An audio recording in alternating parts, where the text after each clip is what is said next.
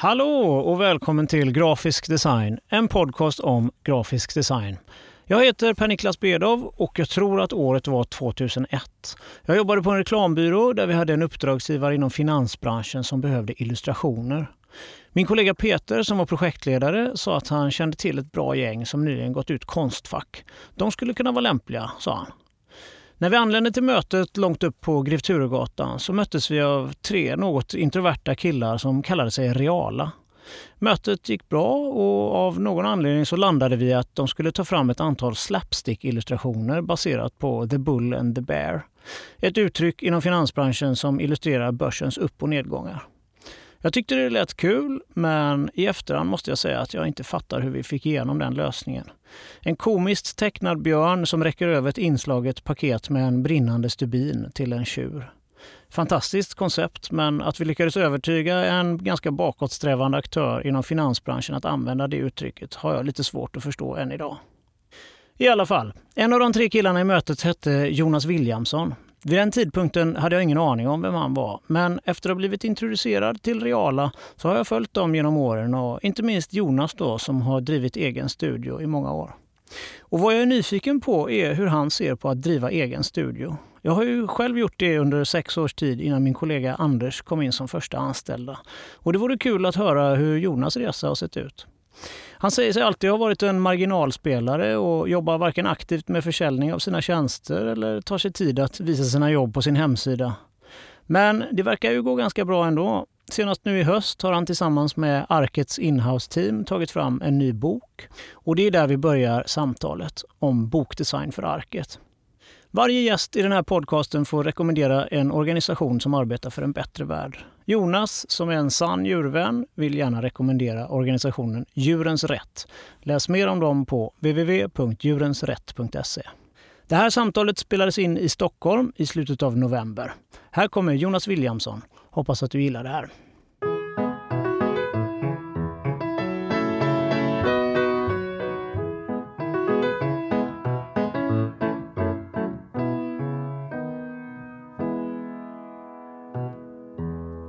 Hejsan Jonas! Välkommen till Grafisk design. Hej! Tack! Vad kul att vara här. Mm, det är roligt att ha dig här. Jag har uh, tänkt på det länge i uh, det här sammanhanget. Så att, uh, det var härligt. Det var inte helt givet att du skulle komma hit? Nej, eller jag tänkte över det precis som jag tänker över allting. Alla förfrågningar som kom in. Det var inte jätte, jättesvårt att tacka ja, men det kändes lite, lite läskigt såklart att inte veta hur det låter när man sitter så här bakom en mick. Men det är jättekul att vara här. Jag tänkte att vi skulle börja prata om eh, Arket som är H&M's eh, nya satsning. Du eh, har precis gjort en bok för dem. Kan du berätta lite om projektet? Det började egentligen i början av det här året. blev jag kontaktad av Axel von Friesen som jag visste jobbade med att utveckla ett nytt koncept för Hennes Mauritz som var hemligt jag känner han lite grann sen tidigare. Han frågade om jag var intresserad av att komma och hälsa på. Och eh, det var jag. Så jag gick dit till deras kontor på eh, Maria skolgata på Södermalm. Och eh, det var väldigt, hemlighets, väldigt mycket hemlighetsmakeri. Bland annat så hade de inte släppt namnet än. Väldigt få applikationer var liksom någonting som de kanske kunde, eller vill, ville inte eller kunde inte visa. Det var Axel och eh, Michael Avedon som de två är, jag vet inte vad de har för titel, men de är väl liksom creative directors eller art directors. Men då eh, blev jag kontaktad för att eh, göra en annan bok, eller konceptutveckla en bok som de ville göra, som jag jobbade med ett tag då. De har liksom i, i princip jobbat fram ett helt varumärke på väldigt kort tid. Jag tror att ett eller ett och ett halvt, två år eller någonting. Och det här var ju en tid innan lanseringen. Eh, så de hade såklart väldigt många eh, projekt på gång. Varav den här boken då som jag jobbade med var ett. Som sen, eh, som sen, den blev ingenting med den boken. Tiden gick, nya projekt kom in. Sen blev jag kontaktad i somras och frågade om jag hade möjlighet på lite kortare tid göra en annan typ av bok som på sätt och vis var kanske en sorts essens eller åtminstone en del av det som vi jobbade fram i den tidigare liksom, konceptbok, konceptutvecklingen. Vad är, det är ju en mängd bilder då, med olika artikelnummer.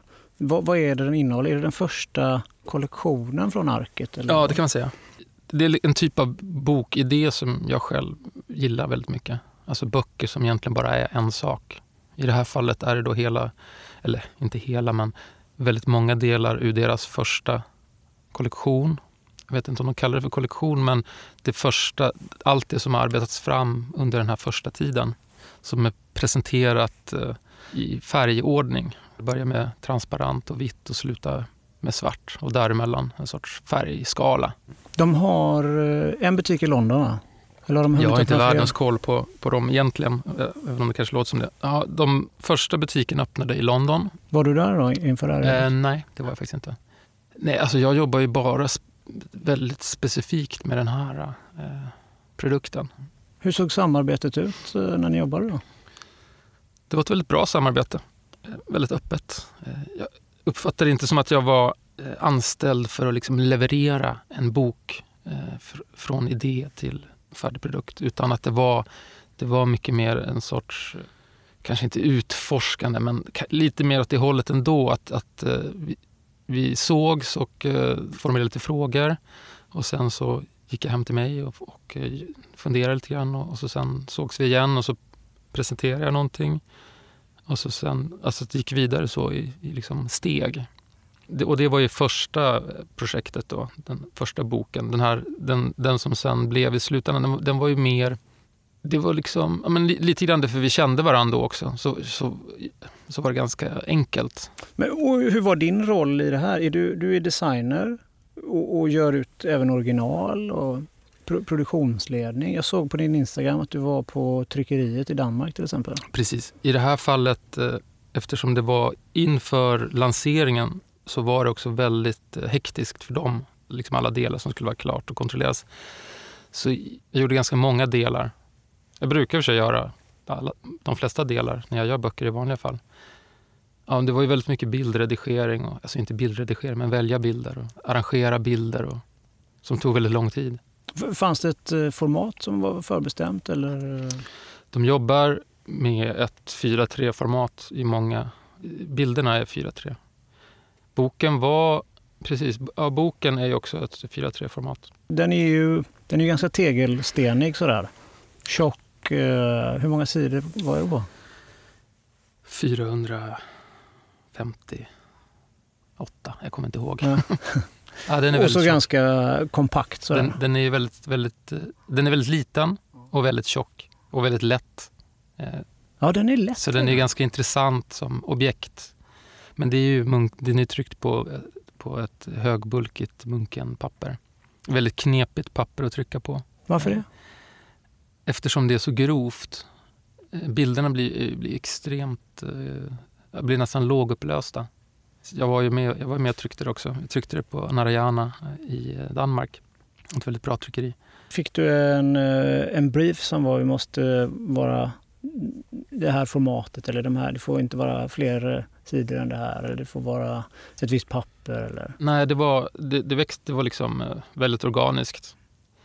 När vi sågs på sommaren så hade de redan funderat lite grann på, på vad, den här, vad den här boken skulle vara och hade ett antal, eh, eller två egentligen bokformat som de hade tänkt på. Ett större och ett mindre. Eh, Där jag tyckte det mindre var schysstare.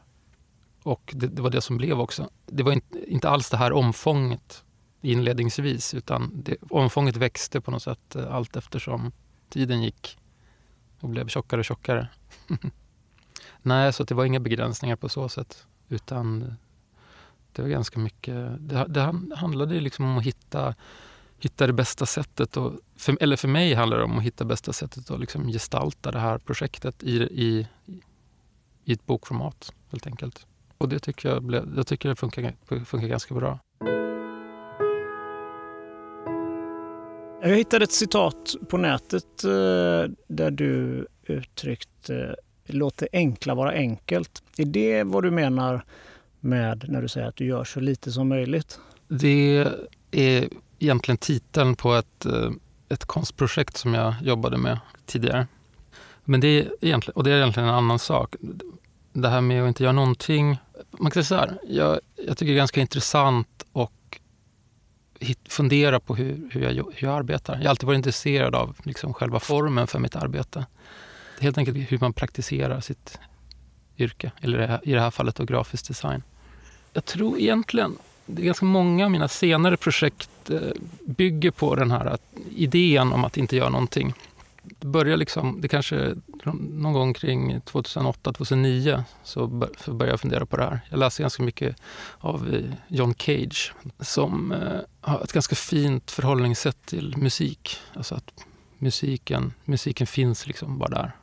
Lite så buddhistiskt eller zen-buddhistiskt.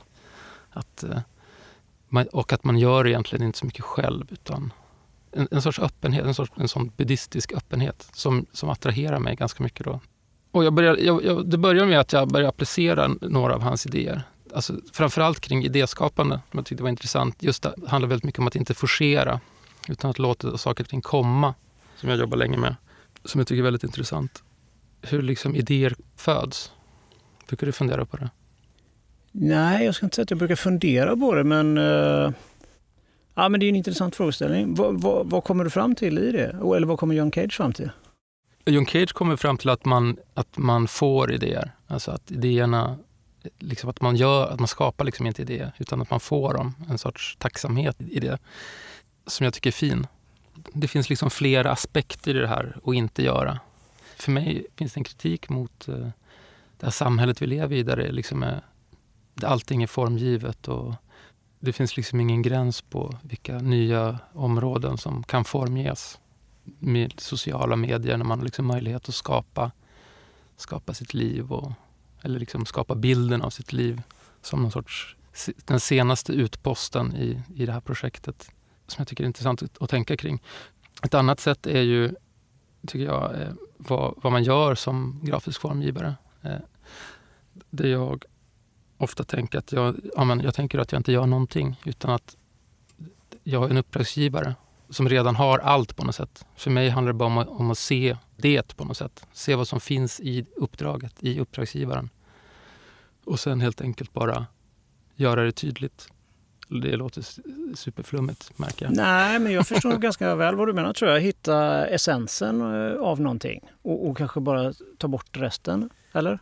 För mig är, för mig är det väldigt, väldigt eh, hjälpsamt att eh, just hela tiden kunna fokusera på kanske inte, ja, men essensen eller, eller liksom ämnet istället för, att, istället för att fokusera på designen på något sätt. Eller att låta ämnet alltid ligga först. Att, eh, jag är ganska lätt annars att ganska fort bestämma mig för vad det ska vara och sen övergå till någon sorts intresse för formgivningen istället. Men med det här, med liksom intentionen att inte skapa någon formgivning så tvingar jag liksom, tvingas jag upp, upprätthålla mig vid ämnet på ett annat sätt. Och, eh, jag menar, ett, ett exempel är ju MDT som jag jobbar med. Känner till MDT? Moderna Dansteatern ja, på Skeppsholmen. Det är otroligt bra jobb du har gjort med dem. Det jobbet, eller det projektet gjorde jag när jag var, ja, men under, under tiden jag arbetade intensivt med den här göra ingenting i idén. Det är också ett projekt som har flera olika delar. Men en del där är ju att jag gör ingenting egentligen. Så att det, det är som ett program nästan. Så att det, det skriver sig själv. De som inte Bildligen. har sett, de som inte har sett mm. Eh, Moderna Dansteaterns identitet, kan du bara snabbt eh, beskriva den? Det, är ju mycket affischering på stan. Eh, Bland. Precis. Affischering är en liksom viktig kanal för kommunikationen. Och det, det är affischer som har ett fluorescerande rött, orange, randigt mönster i bakgrunden och sen är det handskrivet med svart text ovanpå, kan man säga. Jag tycker den är, är faktiskt genial. Eh, den är, det är bara ett system egentligen. Precis. Och du integrerar uppdragsgivaren, alltså MDT själva i det som skriver, eller hur? Exakt. Ja, det är de som man skriver. Får så här, mm. Eh, engagemang från mm. dem också. Jag tycker den är suverän. Precis. Och det är ju någonting det är lite grann också ett resultat där av att, inte, att, att, jag inte ska göra, att jag inte gör någonting. Alltså jag gör ju någonting, men ändå att idén att om jag tar ett steg tillbaka så är det också lätt att bjuda in andra och delta och skapa en sorts öppna former som jag också är intresserad av när det kommer till hur man skapar identiteter. Framförallt ja, men i det här fallet hur man skapar identiteter. Jag, jag jobbar med identiteter innan eh, på, inom kulturområdet där jag applicerade en mer så här eh, generell, eller en, eh, inte slentrianmässig, men eh, alltså den typ av, det typ som, det, det sätt som visuella identiteter skapas by the book lite grann. Som ju kommer från hur man skapar visuella identiteter för stora multinationella företag. Det är sprunget ur det på något sätt. Man har en logotyp och man har ett sätt färger och man har en sorts toolbox.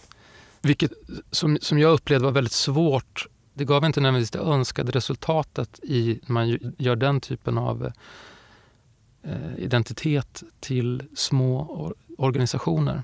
Att de har liksom inte kapaciteten att fullfölja det på samma sätt som om man gör liksom en serie guidelines till en inhousebyrå. Som ju såklart, då är det ett helt annat spel. I MDTs fall handlar det väldigt mycket om att hitta, eh, liksom att understryka det, eller liksom acknowledge, förstå eh, det faktumet och jobba med det istället för emot det på något sätt. Annars så kanske man, du vet, man gör, ett, man gör, ett, liksom, man gör olika mallar och sen kanske det sitter någon och gör det som inte är utbildad eller som häller in för mycket text eller skriver för långa rubriker och så, och så blir det bara den där typen av form som man ser överallt men som är eh, jag kanske tycker den är spännande, men om jag står bakom den själv så brukar jag oftast störa mig lite grann på det. Förstår du vad jag menar? Ja, nej men eh, det känns lite som att vi är på väg in i ett skifte lite grann i hur identiteter ser ut. Det har börjat med att det ska vara flexibla logotyper och, och system och sådär. Liksom man har börjat med lite rörliga animationer i, i eh, identiteterna. Men eh, det här som du har gjort med MDT är ju, det är ju bara en färg och, och några olika mönster egentligen. Mm. Och, och, sen så skapas resten av uppdragsgivaren som skriver med spritpennor på mm. de här. Och sen så skannar de det själva och skickar in eller gör du det åt dem? Eller? Det är lite både och. Dels så finns det viss, ett, ett affischformat på Skeppsholmen runt själva eh, platsen. Med, det finns liksom ordnat med affischskåp. De affischerna skriver de för hand. Och sen har de också skyltar i anslutning till lokalen. Ljusskyltar som vi har gjort, som de också skriver hand. Men sen det som affischeras på stan, det, det trycks och det går via, mitt, via mig. Då. De skriver jag skannar och liksom ordnar det och skickar det på tryck. Och den har levt länge, identiteten? Den har funnits i flera år? Den har funnits, det, jag tror att det är personligt rekord för mig. Den har funnits sedan, jag kollar faktiskt filen nu, eller liksom presentationen av, av identiteten var 2010. Så det är sju år. Ja, det är väldigt bra. Eller väldigt bra vet jag inte, men det är väldigt, väldigt lång tid. Ja, framförallt för en så pass eh, progressiv lösning eh, som det framförallt var då. Nej, men det, det är intressant. Och det är, jag tycker också det är intressant att se att den håller. Alltså det, vet, det, det är omöjligt att veta när man sitter där och ska liksom fundera på hur man bäst gestaltar en, en liksom organisations eller institutionsidé. Det är, all, det, är liksom, det är så spännande när man... Skillnaden från liksom huvudet till presentationen till sen vad det blir. Man, har, man vet ju liksom aldrig riktigt. Men det här är ju en lite typisk eh, Jonas Williamson-kund. Arket som vi pratade om tidigare är ju eh, mer ovanlig i Sverige att små byråer jobbar med stora uppdragsgivare. Så hur ser du på det fenomenet att eh, ett stort multinationellt företag använder en liten studio? Jag tänker lite grann på Eh, hur eh, stora multinationella skomärken till exempel använder sig av eh, så här street art eller graffitikonstnärer. När det är det här multinationella superkapitalistiska företaget approprierar den här ungdomskulturen som, som ju liksom är något helt annat. Men där i någon sorts amerikansk logik finns en, brukar jag tänka att det finns en sorts win-win. Att eh Eh, det här multinationella, stora, stela företaget får spegla sig med den fria, radikala gatukulturen. Och vice versa så, så får de här eh, gatukonstnärerna eh, någon sorts eh, stämpel, en sorts förhöjd status genom de samarbetena. Just i det här fallet med arket är det kanske inte på det sätt, riktigt på det sättet, ska jag kanske tycka. Eftersom jag är ju liksom anonym i det projektet på något sätt. De, de, skyltar, de använder inte mitt varumärke liksom, medvet, eller de kommunicerar inte det. Även fast det kanske finns en strategi ändå, jag vet inte. Det är klart att de har jobbat med andra som jag känner också. Samuel Nyholm, din gamla kollega, Precis. har gjort illustrationer för hemsidan. Mm. Och det är klart att det, det, blir ett sätt att placera sig, tänker jag. Som säkert inte är omedvetet, men jag har ingen aning. Jag tycker det är skitsmart. Jag tycker inte man ser det riktigt i Sverige, att Nej. små studios anlitas så.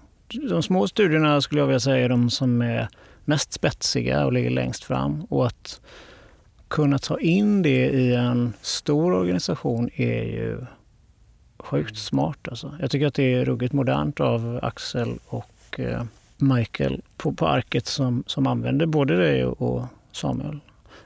H&M har ju använt eh, Sandberg och Timonen vet jag för mm. mycket mm. reklamfilm och så. Just det. det tycker jag också är ett, ett smart mm. samarbete. Mm. Men i övrigt så vet jag inte riktigt om det finns så mycket i Sverige. Det finns ju, Nike använder ju Hort i Berlin och jag vet att det finns en byrå som heter Non-Format i London som de har jobbat med. Och sådär. Och eh, ja, men jag tycker det det är modernt.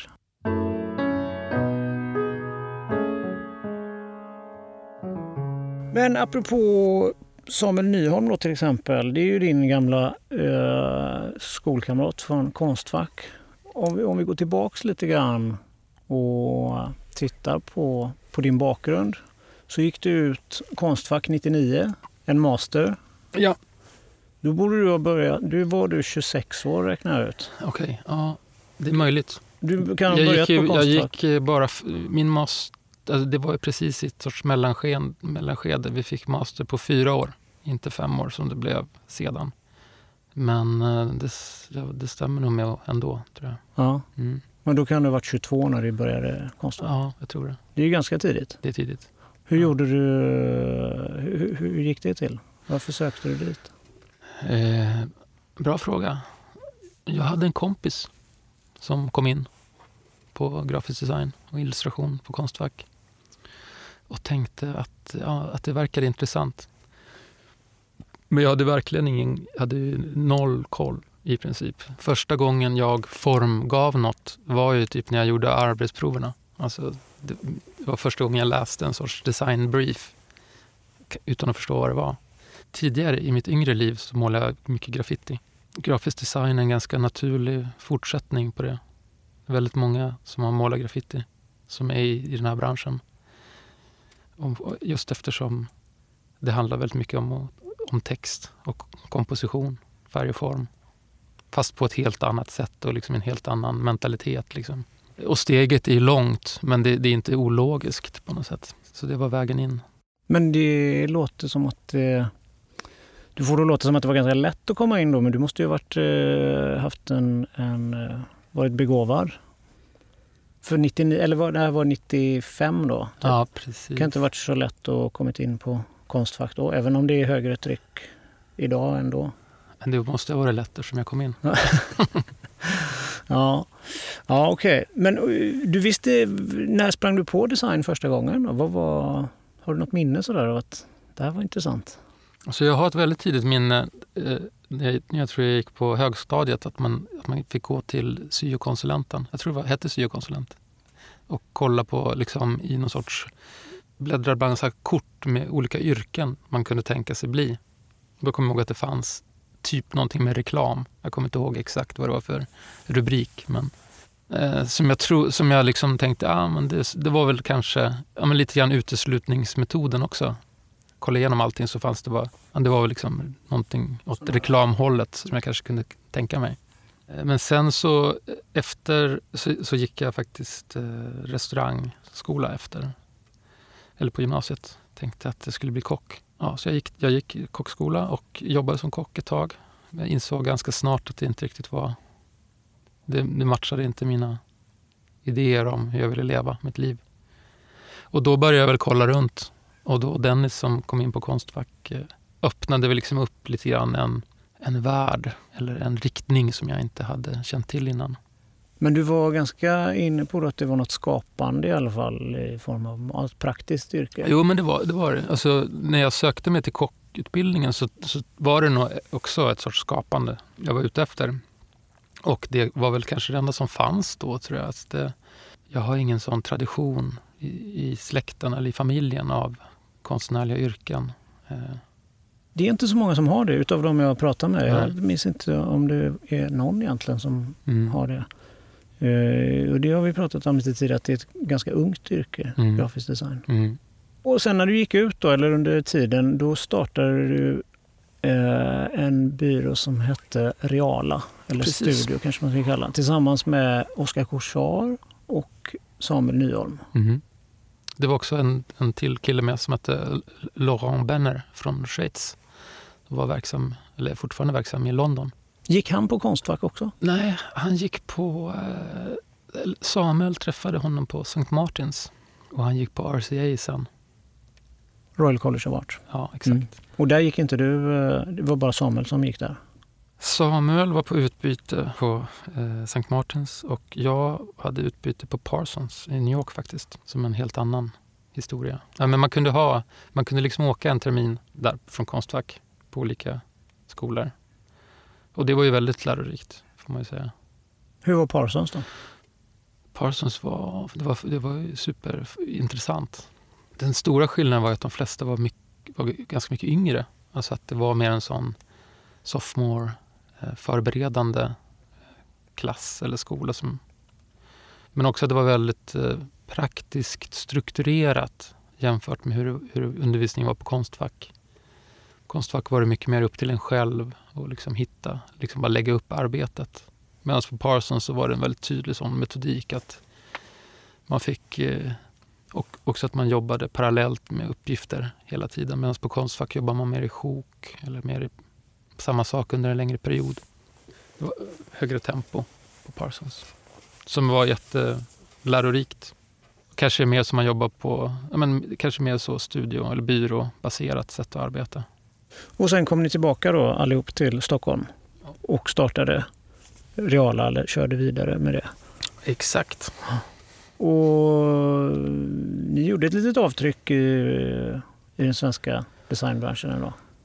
Ja, det är möjligt. Om du, om du säger det så. ja, men det känns som att ni var en av de första som kom med något lite lekfullare Mm. uttryck och vågade utmana konventionerna lite. Eller? Har jag fel? Jo, jo. Ja, men vi var ju väldigt intresserade av att eh, göra som man inte fick göra. Eller bryta mot olika föreställningar och normer. Hur kommer det sig? Jag tror att vi kanske hade det bara...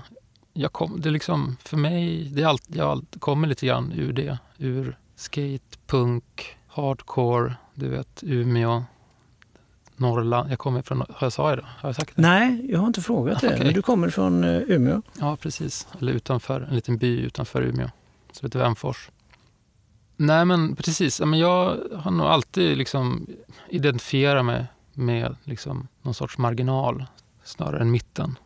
Och alltid liksom haft ett sorts kritiskt förhållningssätt eller ett intresse av att förstå varför eh, samhället organiseras på det sätt som det görs.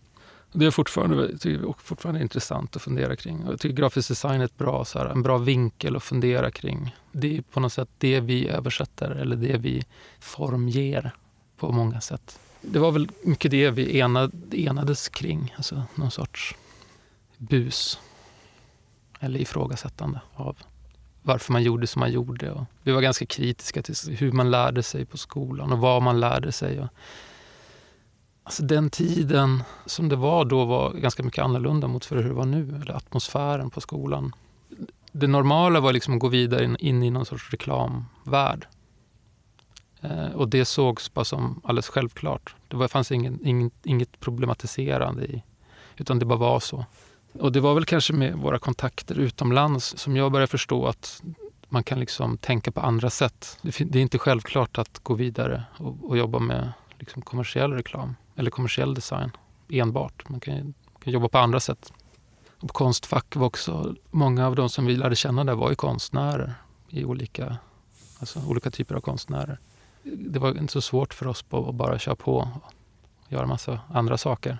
Och hur, ni körde fram till Reala 2005, eller? Jag vet inte exakt. Alltså, vi, det, det, det har ju, vi har ju aldrig officiellt dödförklarat det. Ja, ni har er hemsida kvar med något eh, Ja, plank där man kan skriva på. exakt. någon sorts eh, tidigt kommentatorsfält. Det är bara ett, det är liksom utan innehåll, bara kommentatorsfält. Precis, nej men vi gör lite grejer emellanåt. Vi har ni precis gjort en, en liten publikation här, jag och Samuel. Nu. Oskar är ju konstnär. Samuel är ju fortfarande verksam illustratör. Samuel, Samuel är också, eh, han, han, är nu verksam i, i Bremen. Han är professor där på design eller konstskolan. Men du kör ju främst under namnet Studio Jonas Williamson. Ja, ja det är min primära. Reala kom in ibland som någon sorts eh, bonus. Och du nämner att du hade liksom närmare till konstnärerna än till de som började jobba med reklam på skolan. Och det kan man ju se ganska tydligt idag på dina uppdragsgivare. Du ligger ju väldigt mycket i kultursektorn. Varför är det så? Jag gör ju ibland projekt som är mer kommersiella. Alltså att jag kanske hjälper eh, folk som har liksom affärsverksamhet, butiker eller ja, men, gallerister eller eh, ja, men mindre varumärken som jag jobbar med. Och hjälper dem att liksom utveckla sin identitet. Så att det är inte enbart... Jag, jag, tycker ändå att jag har en ganska sån regelrätt design, grafisk designpraktik. För mig... Alltså, det är väl liksom lite grann både och. att Det är de förfrågningar som jag får oftast. Också enklast att jobba vidare med det på något sätt. Att det har lite grann blivit så. Men det har ju också blivit så eftersom jag har kanske valt bort eh, andra typer av jobb eftersom jag tycker att det som jag jobbar med nu är så pass intressant. Eller är mycket mer intressant än att jobba... Än, nu var det länge sedan jag gjorde något sånt super liksom, ytligt kommersiellt arbete. Jag kommer knappt ihåg hur man gjorde det. Men eh, jag tycker det är intressant att jobba med konstnärer som vill kommunicera någonting som är liksom allt för dem. Det, det, det, det är liksom någonting som är. Det är ingenting som, de försöker liksom inte förställa sig. Det finns ingen sån idé om att de ska bli någonting annat än vad de är. Utan det handlar liksom bara om att eh, på bästa sätt eh, visa vad, vad de gör. Vilket jag tycker är, det, det, är liksom ärligt och genuint och så som jag tycker som passar mig. Det håller jag ju med om. Så tänker jag också med min egna verksamhet. Och man tar gärna sig an. Men vi jobbar ju Ja, vi jobbar ju dels lite med konstnärer och musiker och sådär ibland. Men vi har ju också en fot i näringslivet. Just men där är det viktigt tycker jag att man jobbar med någon som inte ljuger. Men det är främst baserat på intresse också låter det som för dig. Att du har ett stort intresse i konstvärlden. Jag tänker, alltså för mig är det också, alltså jag jobbar ju själv eh, och min tid är väldigt begränsad. När jag har liksom, de perioder när jag har lyxen av att kunna välja av att liksom jag kan välja vad jag ska ägna min tid åt att göra så är det ju lätt att välja den här typen, eller för mig är det lätt att välja den här typen av uppdrag då. Men går det att leva på det?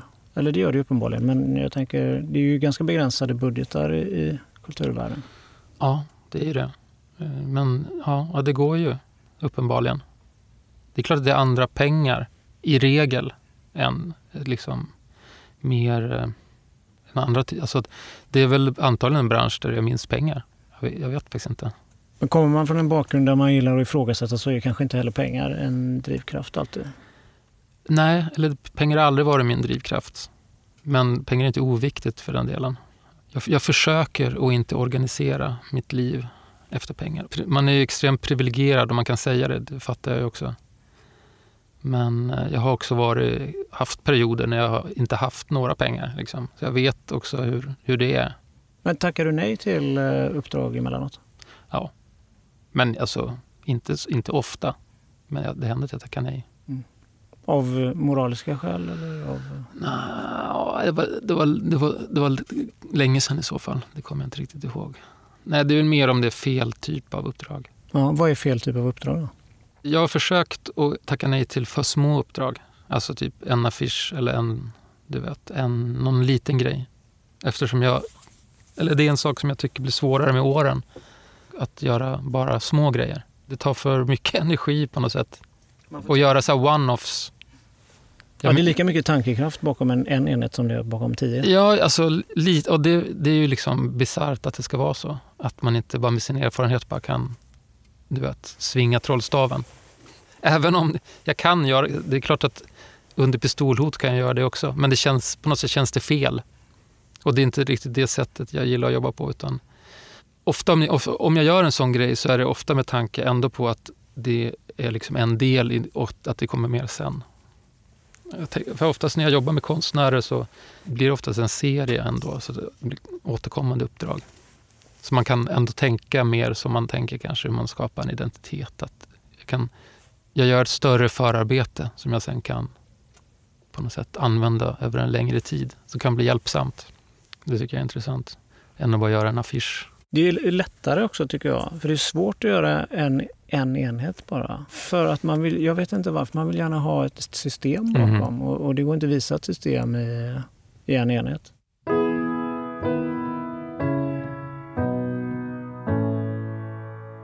Din egna verksamhet då, Studio Jonas Williamson. Du är ju ganska anonym skulle jag vilja säga. Är det ett... Eller håller du med? Ja, jag är ganska anonym. Ja. Vad, vad, hur kommer det sig? Är det ett medvetet val eller hinner du inte visa vad du gör? Lite både och. Det beror på flera olika grejer. Bland annat så tar det ju jättemycket tid att ha en... Eller det tar väldigt mycket tid för mig att tänka på det. Hur jag ska liksom framstå på, på internet till exempel om man ska bygga en hemsida. Och jag har inte behövt. Det är väl kanske de två främsta anledningarna. Men sen kan jag också, om jag ser liksom min... Om, om jag ser det mer som en så positionering så kan jag tycka att, eh, att framstå som diskret är kanske också en ganska bra bild av mig som person. Alltså att jag, jag ser mig själv som ganska diskret. Och jag gillar egentligen inte att prata om mig själv, som jag sitter och gör nu. Då. Jag är intresserad av att prata om mitt, mina alltså det sätt som jag arbetar och mitt, mina arbeten. Eh, alltså mer specifikt kanske än det sätt som vi pratar om nu. Eh, men, eh, nej, men jag tänker att jag ska göra hem, en hemsida eller jobba med min egen presentation. Och det är ofta jag får förfrågningar. Eller ofta, inte, inte förfrågningar, men när jag hör att ja, du var ju uppe i den här diskussionen men det går ju inte att hitta, det är ingen som vet, arbetar du ens? Liksom? Jobbar du ens som grafisk formgivare längre? Alltså det, liksom, och det är ju, det, det är ju liksom det huvudsakliga skälet varför jag skulle bemöda mig med att liksom lägga upp lite arbeten. Många av mina förebilder har inga hemsidor. Vilka är dina förebilder? Många förebilder, i, framförallt i Centraleuropa, eller liksom Schweiz och Holland, som inte jobbar med liksom, såna vad som har blivit en sorts typiskt sätt som grafiska formgivare presenterar sig på hemsidor med en sorts portfolio eller arbetsprover eller cases eller beroende på nu hur man positionerar sig.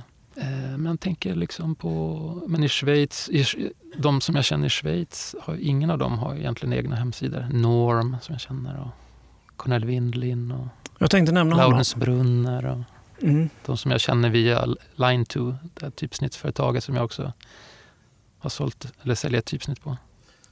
Jag tänkte just på Cornel Windley. Han har jag sökt efter eh, massa grejer. Det går inte att hitta någonting vad han Nej. Alltså. Jag, jag har en uh, Vitra-katalog som är 10-15 år gammal som jag hittade. Som ju ni har gjort illustrationer för, Reala. Mm. Som är fantastisk. Mm. Den är ju... Uh, det är ju den finaste produktkatalogen jag har sett. Eh, och jag är så glad att jag sparade den. Jag såg inte storheten i den då, men den är lika mm. fin idag. Mm. Så jag har försökt hitta lite grejer, men det är omöjligt alltså. Nej, han är också ganska diskret. Hur ser du annars på den schweiziska scenen? För du har en ingång där. Dels genom eh, Laurent Benner som du jobbade mm. med. Mm. Och sen så har ni varit och föreläst eh, en del där nere också. Precis. Men det var väl kanske via att Samuel lärde känna Laurent och vi började jobba med han. Och sen eh, började vi hänga lite grann i, i, i Schweiz, i Zürich. Och gjorde några projekt. B både liksom... Eh, vi var med i några, några bokprojekt. Också genom Line2, det här eh, typsnittsföretaget. kom vi i kontakt med liksom en hel bunt av verksamma i Schweiz, och, men också runt om i Europa. Vi gjorde, vi gjorde några grejer och vi var också lärare där i omgångar på, på Ecal och i Lausanne. Och lärde känna fler. Eh, känna, känna dem också, liksom fransk-schweizarna. Schweiz är lite så tudelat genom tyska delen och den franska delen. Men de har ju... Jag, jag är nyfiken på Schweiz. Jag tycker det händer mycket bra där inom grafisk design och följer flera stycken på Instagram och sådär. Det känns som att de har en god sammanhållning där. Eh, olika små, och att det är många små studier och så. Som man inte riktigt ser i Sverige. Hur, hur ser du på det? Jag vet faktiskt inte. Jag, jag har inte riktigt koll på... Jag har ingen så superkoll på Schweiz just nu. Det var ett tag sedan jag var där och eh, jag, jag, kan faktiskt inte riktigt ta tempen på det på så sätt. Men, men jag kan hålla med att, att utifrån sett så verkar det ju som så. Alltså att det, det sker liksom en tydlig utveckling, tycker jag man kan se. Alltså generationsvis från sko skolor, liksom hur, hur det föds nya eh, starka uttryck som ju är fascinerande och som jag inte riktigt vet. Jag har funderat på det lite grann, men inte riktigt kommit... Jag, har, jag vet inte liksom varför, varför det är så. Men lite grann brukar jag tänka att Schweiz då till skillnad från Sverige ligger ju i mitten på något sätt. Men Sverige är mycket mer en sorts mer en periferi. I Schweiz har du både hela tyska marknaden eller liksom idén om utrymme som man kan verka på och den franska och den engelska och egentligen den italienska också. Det är ett mycket större område som man kan verka på, tänker jag. Men sen har de också en helt annan tradition. Liksom en stolt tradition som de vårdar på ett väldigt intressant sätt kan jag tycka. De gör liksom tydliga avsteg från det. Men de har också en tydlig relation fortfarande i mycket av det som görs. Även, det, även mycket av det nya som görs tycker jag fortsätter liksom diskutera med den här schweiziska, internationella, liksom, den modernistiska stilen. Men sen tror jag också att de börjar mycket tidigare, att de har designundervisning från mycket, de börjar tidigare helt enkelt. De har en mer avancerad undervisning till skillnad från vad vi har i Sverige. Den svenska designundervisningen är ju så kort. Om man tänker som mig då som börjar eh, utan någon sorts förkunskap och så ska man gå fyra år som jag eller tre plus två man hinner ju inte... Jag håller fortfarande på att utbilda mig själv på något sätt. Jag tycker att det, det är ett avancerat ämne att lära sig på några få år. Och framför, speciellt nu när ja, men grundutbildningen då, tre år, om man tänker bachelorutbildningen och sen de andra två ska man på något sätt utveckla sig själv i väldigt kort tid. Hur ser det ut i Schweiz, utbildningen då? Jag tror att de har även tidigare än bachelorutbildningen. Jag, jag vet inte exakt.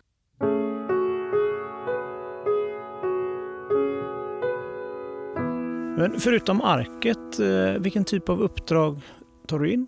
Ja, alltså det, det eh, beror liksom lite grann på vad som kommer in. Det är liksom en överraskning från år till år, lite grann vad jag jobbar med. Senaste tiden, eller senaste några år, så har jag gjort ganska mycket böcker. Eller ganska mycket mer böcker än vad jag gjorde tidigare.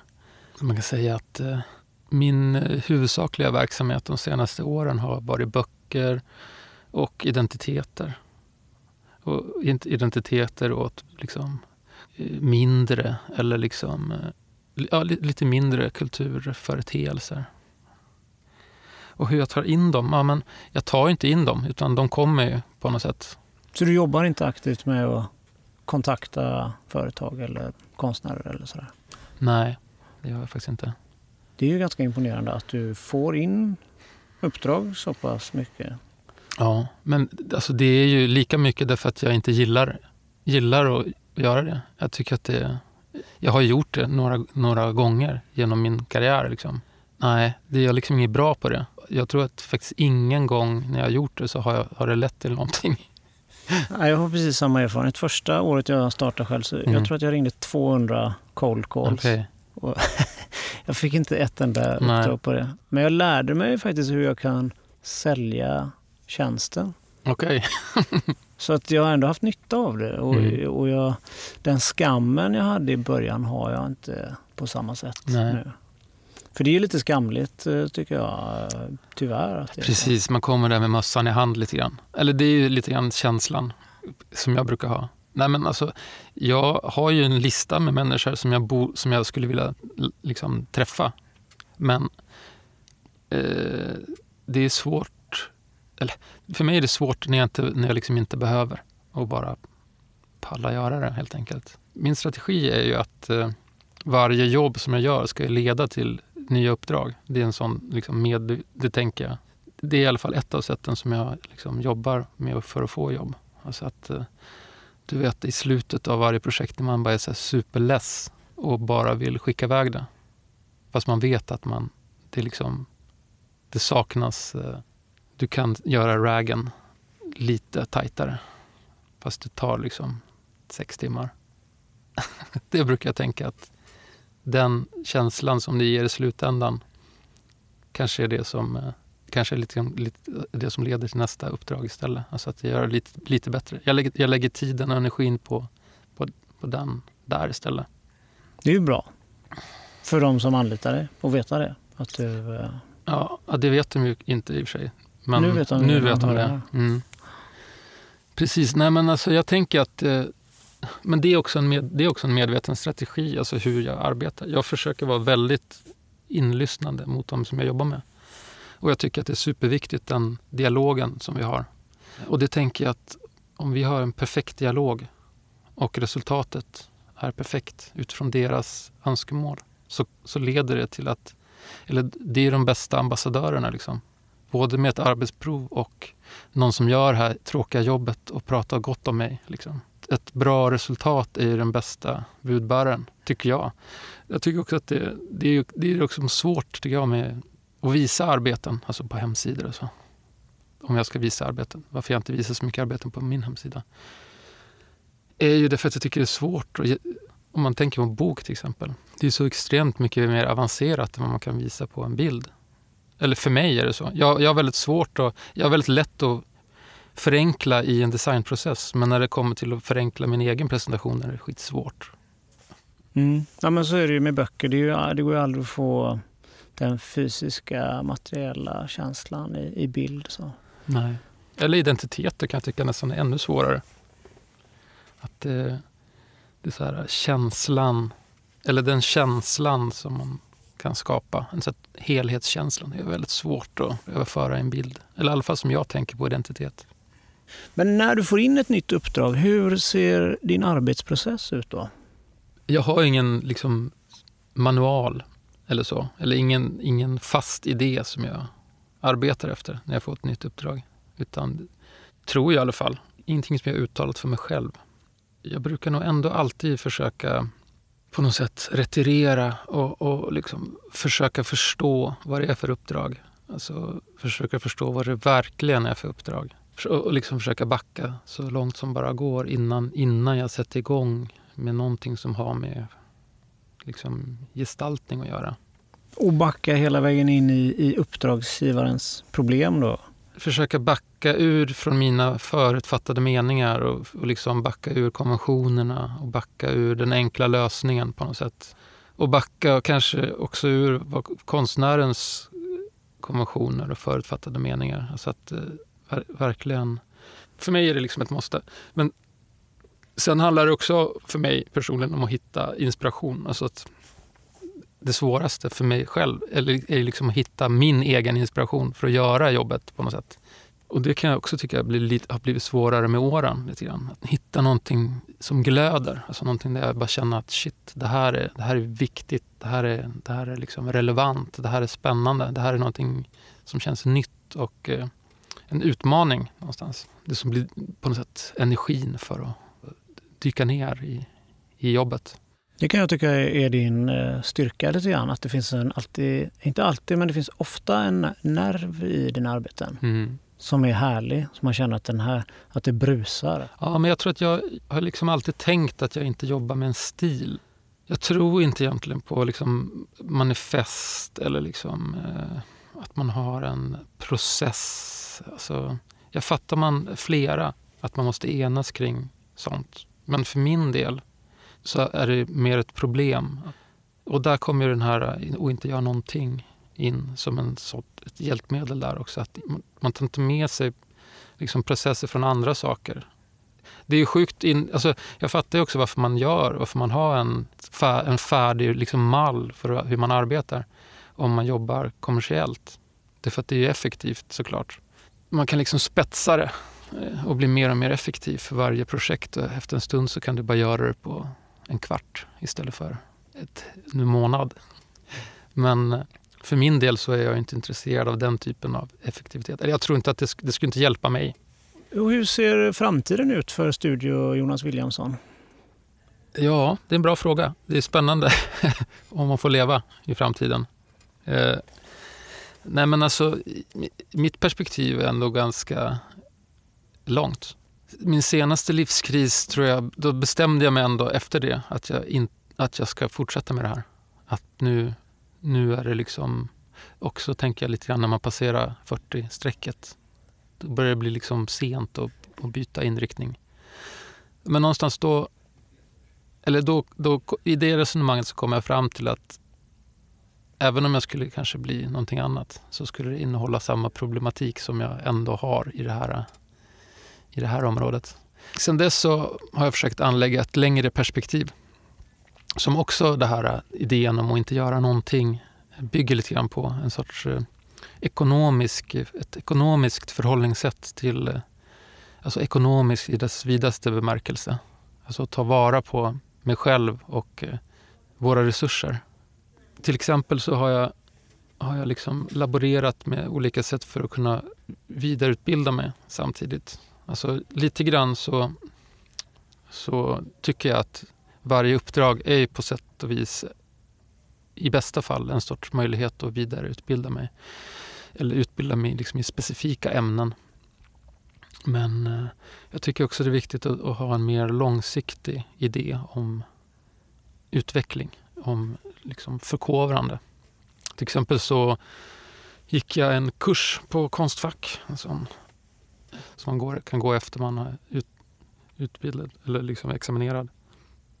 Som var ju som, som en sorts experiment för att se eh, hur det funkar och, och liksom utbilda sig parallellt. Jag har också tänkt att det skulle vara intressant att plugga på universitetet parallellt.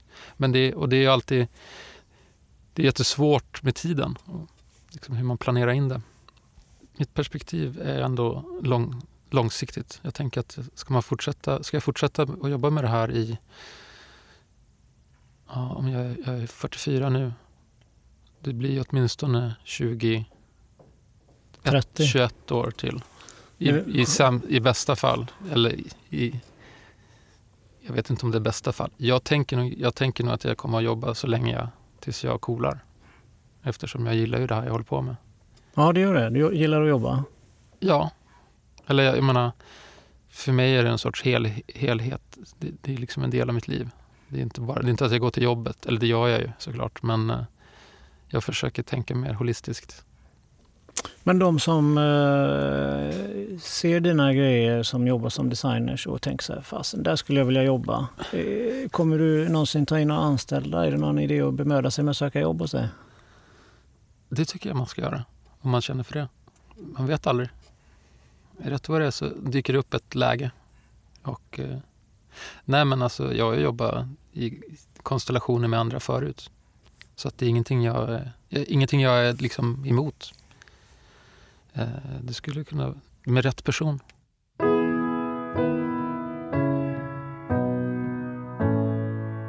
Och så slutligen så tänkte jag ställa en fråga till dig. Och eh, det som jag tycker kännetecknar dig och, och, och generellt för små studios där, det är att det finns en hög integritet i eh, verksamheten. Jag började ju själv eh, för 2005 och eh, nu är vi sex anställda. Så, där. så då undrar jag, vad, vad kan man göra? Är det någonting man kan tänka på för att behålla integriteten i en studioverksamhet? Mm svår fråga. Precis som man, om integritet är någonting man har eller någonting man kan liksom tillgodogöra sig. Det vet jag inte riktigt, men alltså, jag brukar tänka att det är viktigt att odla sina intressen. Alltså att det är viktigt att fortsätta vara intresserad med det man gör. Och det kan jag tycka, alltså att när jag har perioder när jag jobbar väldigt mycket är det som att man börjar gå på reserven på något sätt. Alltså att, eh, om man jämför med eh, att man odlar gräs, att man liksom nästan börjar tugga i sig jorden. Integritet är någonting som man kan kultivera.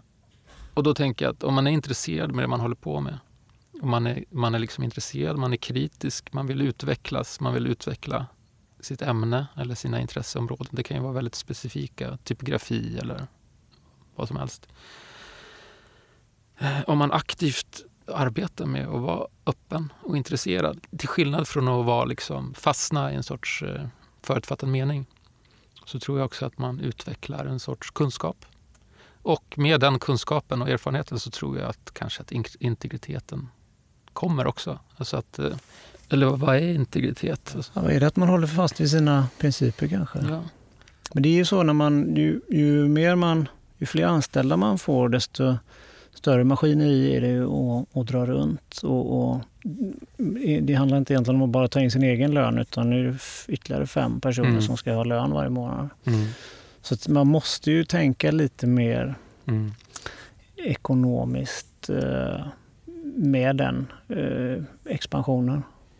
Men då känner jag lite grann så att man brottas med hur, hur ska vi välja här? Jag tänkte du, du har hög integritet. Ja. Du har några bra tips. Men jag tycker det är bra ja, det, att man odlar sitt intresse. Jag tänker att det, det, det är väl svårt om man har anställda. Då övergår ju ansvaret till dem, eller till att ligga på, som du säger, betala deras löner också. Och det är klart att det är en svår, det svåra... Det ställer, en helt, det ställer helt andra frågor. Eh, och det är klart att det är viktigt att ha integritet där också. Men jag tänk, alltså, integriteten kan ju ligga på så många plan. Alltså, det här tänkte jag mer som, for, som grafisk formgivare. Alltså kanske jäm, jämt sina uppdragsgivare och gentemot sin bransch. Alltså, jag tänker att eh, ju mer avancerad kunskap du har om, om det du arbetar med, ju, själv, ju, ju, ju mer ödmjuk och eh, öppen kan du vara mot andra. I det finns ju integriteten, tänker jag. Mm. Bra. Tack så mycket för att du kom hit. Tack för att du fick komma.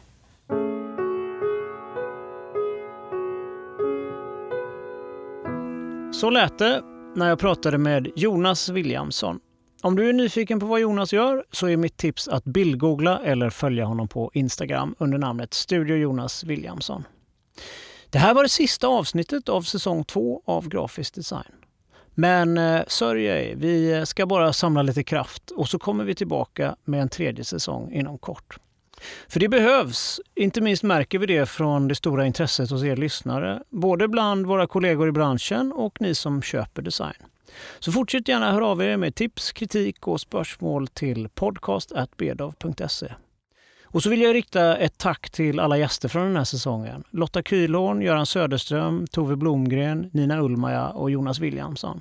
En sann ära att få träffa er och dyka ner i er vardag. Och givetvis tack till mina kollegor som drar ett stort lass med att producera den här podcasten. Mattias Amnes, Anders Bollman, Nikita Dadson, Dennis Hanqvist och Phoebe Kong. Jag som har ställt frågorna heter Per-Niklas Bedov och jag önskar er en bra start på det nya året. Säsong 3 annonseras på vår Instagram, Bedov Stockholm. Följ oss där. Hej så länge!